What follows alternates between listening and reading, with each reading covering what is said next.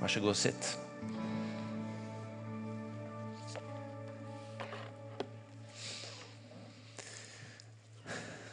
Tusen takk, lovsangsteam, for nydelig lovsangsledelse. Fantastisk å tilbe sammen med dere. Og God søndag til dere andre. For dere som er forstått en del som er enten nye eller på besøk i dag. Jeg heter Egil Elling og er en del av pastorteamet her på huset. Og skal få gleden av å undervise i dag. Jeg begynner med en historie. Eh, for det som etter hvert faktisk begynner å bli noen år siden, så eh, bodde jeg i Oslo. Jeg var student, og jeg jobba litt ved siden av studiene i en menighet som heter Storsalen. Og jeg var utrolig gira på denne, dette her med Storsalen og jobbe der og være en del av den menigheten. Jeg, jeg elska det, og jeg, måte, det var liksom drømmene mine var knytta til å få lov til å fortsette å holde på med det. Den, og Det betydde også at det var sånn at når det på et punkt hvor jeg på den ene sida var på et litt svakt punkt i min studietid Jeg hadde hatt ett år med språk, gresk og hebraisk, som vi da holder på med i teologistudiet. Eh, ikke spør meg om så mye av hva jeg lærte der nå. eh, så jeg var litt skoletrøtt, og så kom det en ledig jobb som ikke var helt egentlig innenfor det var, som var min spesialitet. Det var en mer sånn administrasjonsjobb og lede kaféarbeiderjobb og bl.a. bestille inn matvarer til kafédriften og sånne ting. Men det var en fulltidsjobb, og jeg elska Storsalen og hadde lyst til å liksom bare kunne gå inn fulltid der. Og jeg var lei av skolen og kunne godt tenke meg å slippe et år der, så jeg søkte jobben og gikk på med alt jeg kunne med frimodighet fordi jeg ville ha den jobben. Og jeg så, så søkerlista og tenkte her ligger det godt an. Eh, og jeg møtte på intervju veldig trygg og hjemme Hva skal vi si? Eh, altså, følte meg hjemme. ikke sant? Var, jeg jobba der allerede, og jeg kjente de som intervjua meg, og jeg kjente styret. Og, jeg, og, jeg, gikk ut av det intervjuet og tenkte dette kan umulig ende på andre, ende på andre vis enn at jeg får den jobben. Og Så får jeg en telefon en dag jeg er på skolen.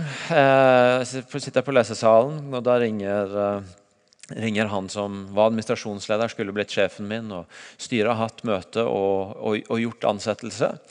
Eh, og Så sier han at du, du, gjorde et kjempeintervju, og du var på en måte den foretrukne kandidaten av de vi hadde på søkerlista. Men vi var ikke vi var ikke helt fornøyd med søkerlista, så vi gikk på en annen kandidat som vi hadde veldig lyst til å se i den jobben. Og vi har klart å overtale henne, så hun har fått jobben. Så du, du fikk ikke jobben. Og det var en nedtur, da. Så jeg tenkte for å finne trøst så måtte jeg sende en melding til Hildegunn, min kone, og i hvert fall dele dette med noen. At det var en liten sånn skudd for baugen. Jeg visste at det var ikke hele framtida mi som røyk, men det var noe jeg hadde skikkelig lyst til da, og som jeg hadde veldig stor selvsikkerhet på at dette, dette skulle gå bra. Ehm, så jeg formulerer en melding eh, hvor jeg hva skal vi si, lever sånn i miksen mellom sannhet og selvmedlidenhet. Eh, og skriver noe sånn som at jeg var den beste søkeren, men eh, de ville ha ei dame. ikke bra, ikke bra, ikke bra. men, men, som jeg sier, en sånn eh, miks av følelsesladd og prøve å fortelle sannheten. Formulerer den meldinga, og så sender jeg den. Ikke til Hildegunn, men til hun som hadde fått jobben. Åh, den følelsen, altså. Er det mulig å hente en melding tilbake igjen? Er det mulig å slette det du akkurat har skrevet? Hva gjør du? Skal jeg ringe henne? Skal jeg sende noen melding? Skal jeg late som ingenting? Skal jeg late som noen har tatt telefonen min og sendt en melding fra den? Hva gjør jeg? Åh, øh, og kanskje har noen av dere hatt opplevelser som ligner av at noen ganger du skulle ønske bare at den meldinga ikke ble sendt, eller den mailen ikke gikk på reply all istedenfor bare til den ene. Eller, eller, du sa det du sa som bare glapp ut av deg, ikke skulle blitt satt. ikke sant? Det er noen ganger vi skulle ønske at det fantes en sånn sletteknapp, hvor du bare kunne hente tilbake det du har sagt eller sendt eller gjort. De siste ukene så har vi begynt på en serie her i, eh, i eh, menigheten som, eh, som, heter 'Å finne veien tilbake til Gud'. Og så Vi har bygd ut fra en bok med samme tittel. Den kan du for øvrig på det bokbordet hvor du kunne få kjøpt litt forskjellige bibelressurser etterpå. Så kan du også få tak i denne. Alle som Eh, vi sier at alle IMI-folk får denne for 100 kroner, selv om den egentlig koster en god del mer. Og vi utvider det i dag og sier at hvis du er på besøk også, så får du den for IMI-pris hvis du vil ha den.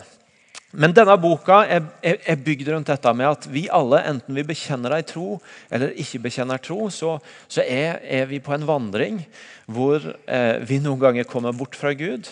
Og så finnes det en vei tilbake til Han. Og så forsøker vi å si noe om hvordan den reisen tilbake til Gud ser ut. Eh, og De siste ukene så, har vi, så, har vi også, så er boka bygd rundt, og denne serien bygd rundt en av de mest kjente lignelsene i Bibelen som Jesus forteller, nemlig lignelsen om den bortkomne sønn i Lukas 15. Og vi, vi, på en måte, vi, vi, er stadig tilbake i den historien når vi går gjennom denne, denne, denne, serien. Og De siste ukene så har vi sett på hvordan denne unge mannen som vi møter i lignelsen om den bortkomne sønn, har dette spørsmålet i seg. Finnes det noe mer her i livet? Har livet noe mer å by på enn det jeg har opplevd så langt? Og Vi har sett litt på den, den lengselen som finnes i oss alle etter har livet noe mer. Lengselen etter å kjenne at en er elska. Lengselen etter å finne en hensikt med livet. Lengselen etter å finne svar på noen av livets vanskelige spørsmål. Og Vi, fulgte, vi har fulgt reisen til denne unge mannen som, som blir skildra i Lukas 15, vers 13, hvor det står at ikke mange dager etter så solgte den yngste sønnen alt sitt og dro til et land langt borte. Der sløste han bort formuen sin i et vilt liv. Det er på en måte der vi, det, Så langt vi, vi, har fulgt denne sønnen så langt. Han, han får sin arv, og, og, og, denne lengselen etter har livet noe mer å by på, den tar han av gårde langt bort og til et sted hvor han også bruker pengene på fest og moro, på sus og dus. Og Så skal vi plukke opp tråden i dag når, når på en måte den, den fasen er over. Eh, fordi vers 14 den begynner med et 'men'. Det sto 'men' da han hadde satt alt over styr. Det er noen ganger sånn i livet ikke sant, at, at det er noe som er veldig bra, og noe som er veldig spennende. Akkurat som, som denne unge mannen har klissete scene i dag. jeg kommer meg løs her. Eh, det er av og til ting er veldig bra her, her, i, eh, her, i, livet. Vi opplever ting som er spennende. Men så er det noen ganger det er et men. Men. Og I denne historien så er det også et men. Men da han hadde satt alt over styr, alt dette, alle de pengene han hadde fått, alt det han hadde fått oppleve og erfare, så kom det en svær hungersnød over landet, og han begynte å lide nød. Plutselig så befinner han seg i en situasjon som er veldig annerledes enn når han har masse penger og masse muligheter. Og jeg vil tro at han opplever at dette var ikke det han hadde sett for seg. Dette var ikke det han tenkte livet skulle bli når han reiste ut hjemmefra. Med masse penger, masse muligheter, framtida foran seg, og han skulle se hva livet hadde å by på. Og Nå har han ingen penger, og det er hungersnød, og han har knapt til å leve. Og Én ting er feilsendte SMS-er som kan gjøre ufattelig vondt i magen i det øyeblikket du oppdager hva du har gjort. Men som stort sett så ordner det seg, og det bruker ikke å ta så himla lang tid før det går på et eller annet vis over, eller du får rydda opp i det. Men noen ganger så opplever også vi litt mer grunnleggende enn det at livet ble ikke helt det vi hadde tenkt oss. At vi tenker dette var ikke det jeg hadde sett for meg. Dette var ikke det jeg hadde drømt om. Det kan være grunnleggende for hvordan vi opplever livet, at livet er nå. Det kan også være for bestemte situasjoner, ting i livet. Dette var ikke det jeg hadde tenkt at det skulle bli for barna mine. Dette var ikke det jeg hadde tenkt at det skulle bli med denne jobben. Det var ikke sånn jeg hadde sett for meg at ekteskapet skulle bli. Det var ikke sånn jeg hadde sett for meg at tjenesten eller livet i den menigheten skulle bli, osv. Vi, vi finner av og til at vi, at vi, kjenner på den smerten av at livet ble ikke helt det vi hadde tenkt oss. Ting i livet ble ikke helt som vi hadde sett for oss. Noen ganger så handler det om at det er noen ting vi gjorde som, som vi etterpå angrer på, som vi etterpå tenker det var ikke så lurt. Det tok meg til et sted jeg ikke ønska å komme. Noen ganger så handler det kanskje om ting vi ikke gjorde. Ah, jeg greip ikke den muligheten. Jeg gjorde ikke det. Og så tenker vi ah, og nå er jeg her. Og Noen ganger så handler det om ting som ikke har noe med verken hva vi gjør eller ikke gjør, men hva som møter oss utafra, og som gjør at livet ble annerledes enn det vi hadde tenkt. Jeg har vært, vært nær noen mennesker de siste åra som annet har opplevd at det har skjedd ting med barna de sine som, som overhodet ikke var det de hadde sett for seg. Og så har så mye av livet blitt forma av det. dette var ikke det han hadde sett for seg at livet skulle være. Og så kjenner han på at det kan være en smerte i det, det kan være en sorg i det. Og Det kan noen ganger, hvis det er ting en sjøl har gjort, være en, en anger. En, en, en, sånn ah, 'Hvorfor gjorde jeg det sånn?' Og så er jo noe av spørsmålet hva, hva, hva gjør vi når vi sitter med den erfaringa, når vi sitter med den følelsen, den smerten av at livet ble ikke som tenkt? Av at dette var ikke det jeg hadde sett for meg? Hvor, hvor fører det oss? Hva slags handling eller, eller respons finner vi på det? Denne unge mannen i fortellinga han, han, går på mange måter over i overlevelsesmodus. Han. Det står at, i vers 15 at da gikk han og søkte tilhold hos en av innbyggerne der i landet. Og mannen sendte han ut på markene sine for å passe grisene. Han ønska bare å få mette seg med de belgfruktene som grisene åt, og ingen ga han noe. Han, han, går over i et overlevelsesmodus hvor strategien hans er jeg må, bare, jeg må bare finne meg et sted hvor jeg kan få mat, hvor jeg kan være, hvor jeg kan leve, hvor jeg kan overleve. Han, eh, det ser ikke ut til at han bruker så mye tid på å reflektere over om, om han har gjort noe dumt langs veien, om han skulle gjort noe annerledes. Men, men han, han, er bare Hvordan kan jeg overleve? Og Noen ganger så kan det være fristende for oss også når, når det er ting i livet som er smertefullt, og som, som ikke er sånn som vi skulle ønske at det var. Ting vi angrer på, skulle ønske vi hadde ugjort eller skulle ønske vi hadde gjort. Så kan det være fristende for oss å late som at det ikke er der. Og på en måte gå inn i survival mode, hvor vi, hvor vi bare tenker nå må jeg bare komme meg videre. Gjøre det beste ut av det og se, se, hvor jeg kan komme videre. Og kanskje fornekte det. Prøve å, prøve å på en måte trykke det ned og late som det ikke er der. Eller på et eller annet vis eh, rettferdiggjøre det og tenke at ja, men jeg har jo gode grunner for at det ble sånn. Jeg kan, jeg kan, forklare på forskjellige vis hvorfor det ble sånn. Eller bare holde det litt på avstand, prøve å ikke ta i det, ikke tenke for mye på det, men tenke at jeg får gjøre det beste ut av det. Jeg tok, når jeg, når jeg forberedte denne talen, så tok jeg og googla bare setninga 'Jeg angrer ingenting'. Og Det var faktisk ganske interessant. Du, du fikk masse treff på Edith Piaf. Og så når du var ferdig med Edith Piaf, så fant du ganske mange andre intervjuer. Hvor det er ganske mange mennesker som i ulike portrettintervjuer og situasjoner uttrykker at på et eller annet vis Nei, det har ikke noe for seg å angre. Jeg angrer ingenting. Jeg, jeg kan ikke se hensikten med å, med å angre på å se, se meg tilbake. Jeg, jeg fant bl.a. Sven O. Høiby, far til kronprinsesse Mette-Marit, som som i et intervju blir spurt om dette med at han, han faktisk solgte opplysninger om sin datter til eh, eh, pressen. Og, og, hva han tenkte om det i ettertid. Og så sier han det er ikke vits i å bruke tid på å angre. Det kan man ikke endre på allikevel. Og Han er i godt selskap med ganske mange andre som sier noe av det samme, nemlig at det er jo ikke vits i å se seg tilbake.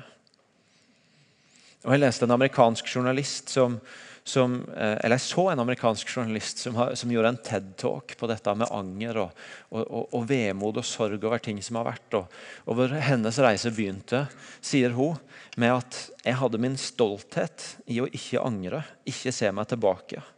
Jeg hadde drukket inn det vår tids kultur sier om at anger det er bortkasta tid. Og Kanskje er det noe i vår tid som har det litt i seg. at det å, det å, kikke seg for mye tilbake, det å tenke for mye på det som har vært, eller det som er blitt, men som du ikke kan forandre på, det, hva er vitsen med det? Ikke grav deg ned i det, ikke bruk tid på å angre. Ikke, ikke, ikke tenk på noe du ikke kan gjøre noe med. Men så er det kanskje et poeng for oss å stoppe opp av og til og spørre hva, hva gjør det med oss å late som at ting som gjør vondt, ikke er der. Og tenke at det, det ligger bak der, det vil jeg ikke bruke tida mi på. Det vil jeg ikke kaste bort tida mi på, det vil jeg ikke dvele ved, det vil jeg ikke kjenne på smerten i. Jo, jeg tror over tid så kan det faktisk gjøre ganske mye negativt med oss. For det første så tror jeg at det kan lett føre til en del sjølfordømmelse. Fordi at selv om vi ikke sier noe ut, så går vi inne og gnager på smerten over det som ikke blei som vi hadde tenkt på de tankene vi ikke vil si til noen andre eller dvele med noen andre, men som vi allikevel kjenner på. At søren òg, hvis jeg bare hadde gjort sånn eller sånn. Og så, og så, er vi egentlig ikke fri fra det, men vi er bundet i det. Det kan ta oss inn i en del skam. For vi egentlig går og skammer oss over det vi er blitt, over det livet vårt er blitt. Og hvor vi på en måte bygger fortet vårt overfor omverdenen fordi vi skammer oss over ting. Og så er det en, en, annen forsker en forsker som heter Brené Brown. som Jeg skal snakke litt om henne senere, men, men, bare kort nå. Hun, hun satte ut for å egentlig forske på dette med relasjoner og, og hvordan vi fikser det. og Hun, hun sier selv, bekjenner sjøl åpent at hun eh, hun er en kontrollfrik som, som, egentlig tenkte at nå skulle hun sette relasjoner på formel og, eh, og, finne ut bare hvordan vi kunne fikse det.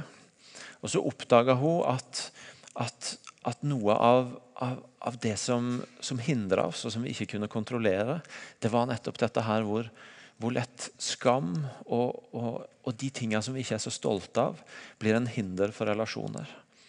Og Så sier hun noe som er ganske viktig for oss å få tak i, tror jeg. Nemlig at vi kan ikke velge hvilke følelser som vi bedøver, og hvilke følelser som vi lar leve.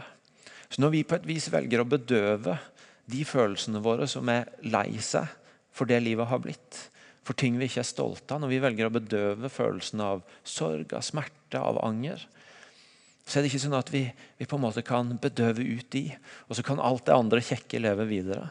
Men vi blir på et vis bedøva og numne følelsesmessig, både for det gode og det vonde i livet, når vi velger å ignorere det eller prøve å holde det unna. Og Det er noe av faren ved å leve med en tanke som sier at 'jeg angrer ingenting'. Denne sønnen han kommer til et sannhetens øyeblikk. Det står i vers 17 at da kom han til seg sjøl, og han sa hvor mange leiekarer hjemme hos min far har ikke mat i overflod, mens jeg går her og sulter i hjel? Jeg vil bryte opp og gå til min far og si, Far, jeg har synda mot himmelen og mot du. Jeg fortjener ikke lenger å være sønnen din, men la meg få være som en av leiekarene dine. Han har et øyeblikk av sannhet hvor han våger å sette ord på at ah, dette er ikke livet sånn som jeg hadde ønska det.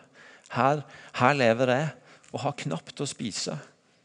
Hjemme der jeg kom fra, så har til og med leiekarene mer enn nok. Og Så blir det øyeblikket hvor han velger å ikke være i overlevelsesmodus. Hvor han velger å ikke rømme fra det som er blitt sannheten om livet hans sånn som det er nå. Hvor han ikke inntar en holdning av at ah, men jeg angrer ingenting. Jeg hadde det moro mens det varte. og Nå får jeg, nå får jeg klare meg med grisemat. Men han har et øyeblikk av sannhet hvor han setter ord på at her lever jeg. Har knapt nok til å overleve. Men der hjemme er det helt annerledes.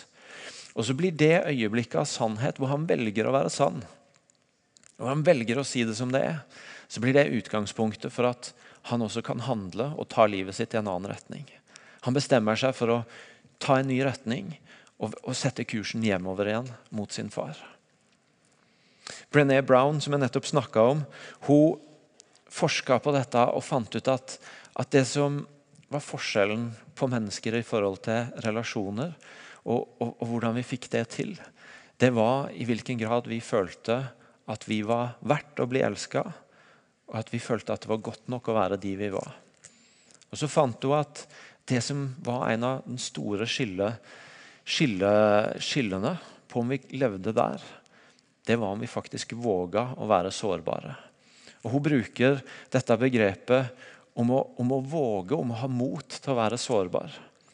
Noen ganger, hvis vi lever i en virkelighet som sier at nei, jeg angrer ingenting, det er bortkasta tid å tenke på det som har vært, så blir det også det å, å velge å være sårbar, det å velge å sette ord på smerten, det kan også lett bli sett på som noe svakt. Men hun velger faktisk begrepet å våge å være modig nok til å, til å være sårbar. Jens Petter som var her forrige søndag og talte for oss, han, han, har dette begrepet 'sterk nok til å være svak'. At det er et mot, det er en styrke i det å ikke late som, i det å ikke rømme, i det å ikke bare si 'nei, jeg angrer ingenting', men i å faktisk si 'jo, dette gjør vondt'. Dette skulle jeg ønsket var annerledes. Dette er noe av smerten og sårbarheten i mitt liv. Og Så bruker hun ordet Courage, som i sin grunnbetydning betyr mot til å vise hele hjertet mitt. Motet til å vise hele hjertet mitt. Og det er noe av det med sårbarheten. For min del så har akkurat dette her med å være sårbar det er faktisk noe som jeg har jobba litt med i mitt liv de siste åra. Når jeg var, var, tenåring og i tidlig 20-åra, så, så, var jeg vant til å tenke at jeg var ganske, egentlig veldig åpen fyr. Jeg fikk høre av vennene mine at ja, du Erling, du, du er åpen. Du er ikke redd for å fortelle om hva, som, hva, du tenker og hva du er opptatt av, hva som skjer i livet ditt. Og jeg husker jeg fikk mange kommentarer på det, og det ble på en måte en del av mitt selvbilde. at, at eh, eh, at jo da, jeg er en som lett deler, jeg er en som lett er åpen. Jeg kan være sårbar. Og så har jeg de siste åra oppdaga at det er ikke sikkert det alltid er sånn lenger. Jeg har fått noen tilbakemeldinger fra folk som har sagt at eh, ja, men du Egil du viser jo ikke så ofte svakhet. Og, og, noen tilbakemeldinger på at ja, utrolig, du er en utrolig fin fyr når jeg først fikk bli kjent med deg, men det var litt vanskelig å komme inn på deg. Og så, og så har jeg måttet fighte litt med at ja, kanskje jeg går og tror én ting om hvordan jeg er, og hvor lett det er for meg å være åpen og sårbar. Og så, så er det kanskje egentlig blitt annerledes med åra. Og og så er en ting jeg har oppdaga, det, det du vet, Av og til når du sier at dette syns jeg er litt vanskelig, eller dette har vi det litt tøft med nå, litt utfordrende med nå, så er det noen som repliserer ganske umiddelbart. Å, så godt å høre at du òg har det sånn. ikke sant? Har dere hørt det? Fordi det, det, betyr jo egentlig bare at de òg syns det er litt vanskelig. Og så, og så blir en liksom oppmuntra. Det er noe godt i å høre at noen andre òg fighter med det samme. Og det er naturlig. Sånn er det, sånn er det for oss. Noen ganger så går vi og tror at vi er de eneste som sliter med noe. Og så, og så når noen andre forteller at de òg gjør det, så det, kan det være litt frigjørende. ikke sant?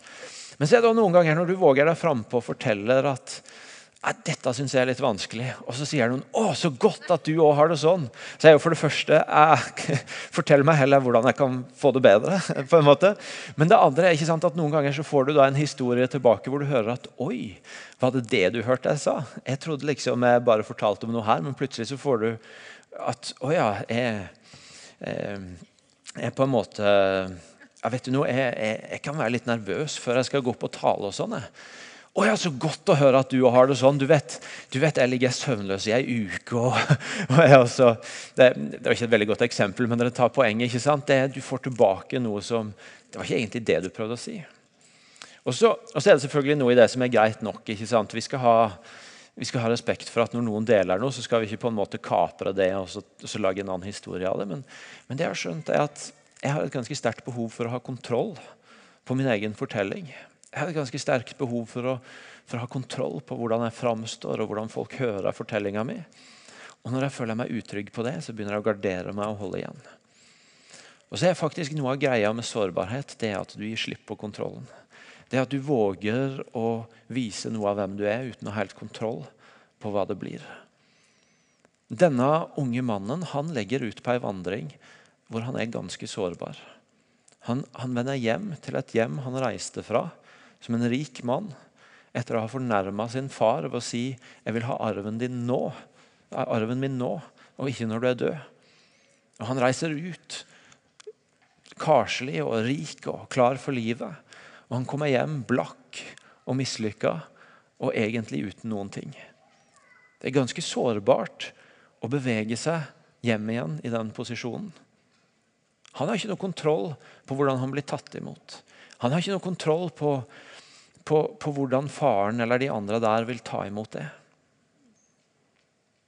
Det hadde vært ganske annerledes om han reiste ut og brukte pengene og ble en suksessrik forretningsmann og kom hjem enda rikere enn han dro.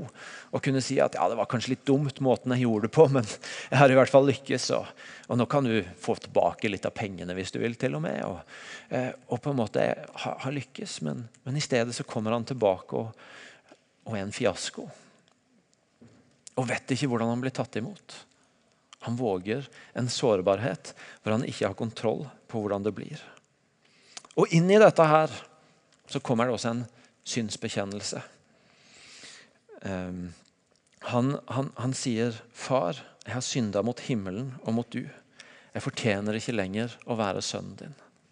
Og Det er også en del av sårbarheten. Det er faktisk ikke En ting er med sårbarheten er å bare våge å sette ord på at livet ble ikke det jeg hadde tenkt. Men det er faktisk også en side ved sårbarheten som er å si unnskyld. Jeg angrer. Jeg gjorde feil. Jeg synda. Å våge å bruke de orda at 'jeg gjorde noe dumt'. Jeg gjorde noe galt. Unnskyld.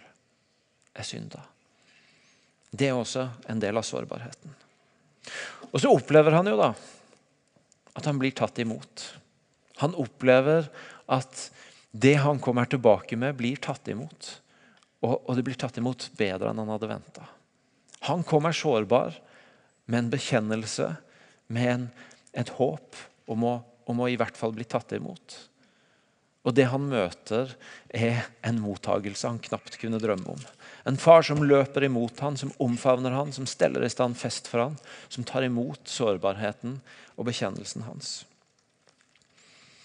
Og det er den Gud vi tror på. Som når vi ikke har som bekjennelse over livet vårt 'Jeg angrer ingenting'. Det blei som det blei, men det er ingen vits i å se seg tilbake.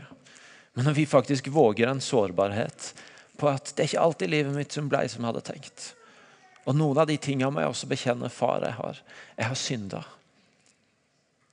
Så er faktisk løftet i Bibelen at da tar han oss imot. Og så gir han oss ikke bare akkurat så det går bra, men han overrasker oss med sin nåde. Salme 85 sier at, at Herren er sen på rede og rik til miskunn. Det er et løfte i Bibelen om at, om at Hans nåde overgår alt det vi måtte ha å bekjenne av det som skulle vært annerledes. Du vet at Noen ganger så er vårt ønske når livet ikke ble som tenkt, det er at vi bare kunne bli tatt tilbake til utgangspunktet. Kjære Gud, kan du bare ta meg tilbake til det punktet jeg var på før alt dette skjedde? Og så kan jeg få prøve en gang til. Men Gud han, han tilgir alle våre synder. Han sletter de, han tar de fra oss. Men i stedet for å ta oss tilbake og late som om livet vi har levd, ikke er levd, så er løftet Bibelen gir oss, at han vil ta oss framover og vende det som har vært smertefullt i livet vårt, til noe godt. Det står i Romerne 8 at han kan gjøre alle ting. La alle ting virke til det gode. Og Det kan høres ut som en litt sånn lettvint saying. For det er en del smerte her i livet som ikke bare er å knipse, og så er det plutselig bra igjen allikevel. Men det er faktisk Guds løfte. Og det fins ganske mange vitnesbyrd på at selv det som er mest smertefullt i livet vårt, kan Gud bruke til det gode.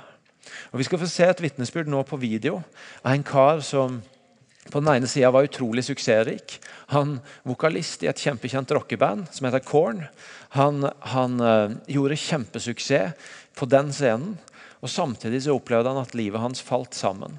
At det ble rusmisbruk både for han og kona hans. Han hadde en datter som vokste opp i dette her. Og han, og han opplevde at for det om suksessen var stor, så var også smerten stor. Og Så skal vi se litt av historien hans om hva som skjedde.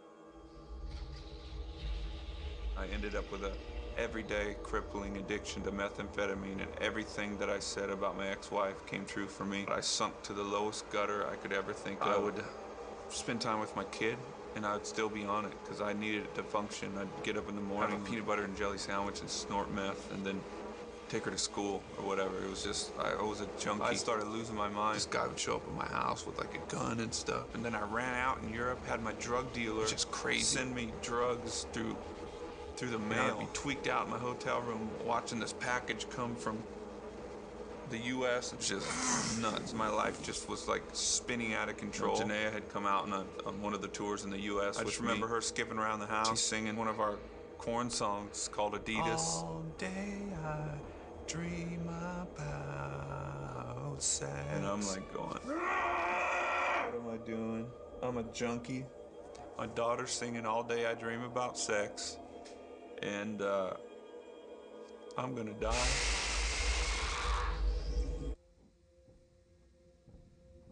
Father?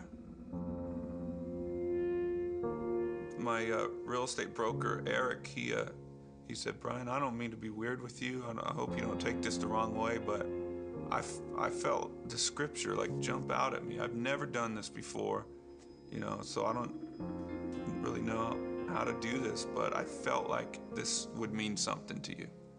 It's Matthew 11, 28. Come to me, all who are weary and burdened, and I will give you rest. I remember all tweaked out. I looked up in the dictionary, wary. I looked up burdened, and I just I pulled the scripture apart, and I was like, "Oh, I'm, I'm weary and burdened, and I need rest." for my soul. And uh, I didn't know if it was real, but you know, they invited me to church a couple couple weeks later, and I had received Christ. At the church, I went home, neglected my daughter, got it all smooth and powdery. Jesus, you got to take these drugs from me. Search me right now. Search my heart.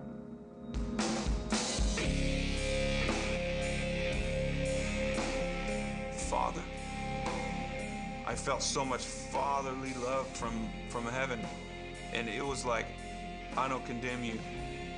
I love you. I love you. It was just love, love, and instantly, that love from God came into me. It was so powerful that the next day I threw away all my drugs, and uh,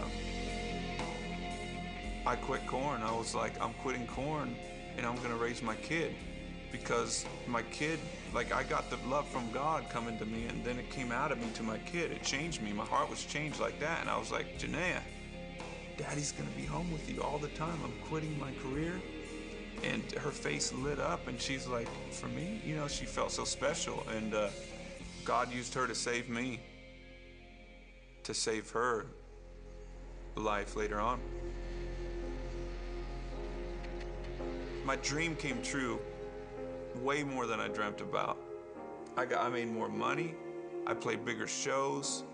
I mean, houses, cars. I tried drugs, I tried sex, I tried everything to try to get pleasure out of this life.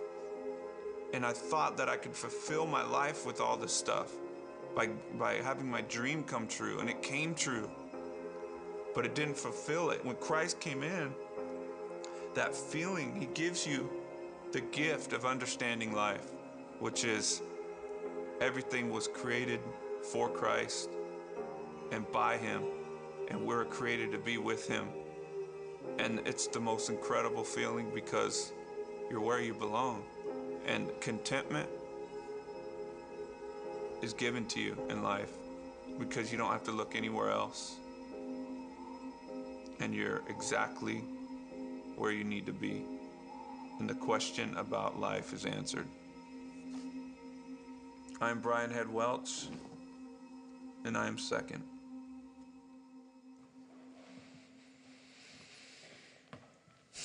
Skal vi reise oss opp og gjøre oss klare til å be sammen? Eh, La oss reise oss opp og stå. Når vi bekjenner, når vi bekjenner ikke at jeg angrer ingenting, men når vi bekjenner sårbarhet på det som er vanskelig i livet vårt, så er Guds løfte at han vil møte oss i det. Og at han ikke nødvendigvis tar oss tilbake til start, men at han, litt som en GPS når du har kjørt feil, at han rekalkulerer kursen vår og kan ta oss dit han vil ha oss, og la også det vonde bli vendt til noe godt. Så nå skal vi få synge en sang sammen som bekjenner nettopp at han forlater oss aldri. At han, hans løfte for livet vårt står fast. Og at Derfor kan vi trygt våge å snakke sant og ærlig om livet. Og Det kan også være et steg på vår vei tilbake til Gud. Så la oss synge sammen.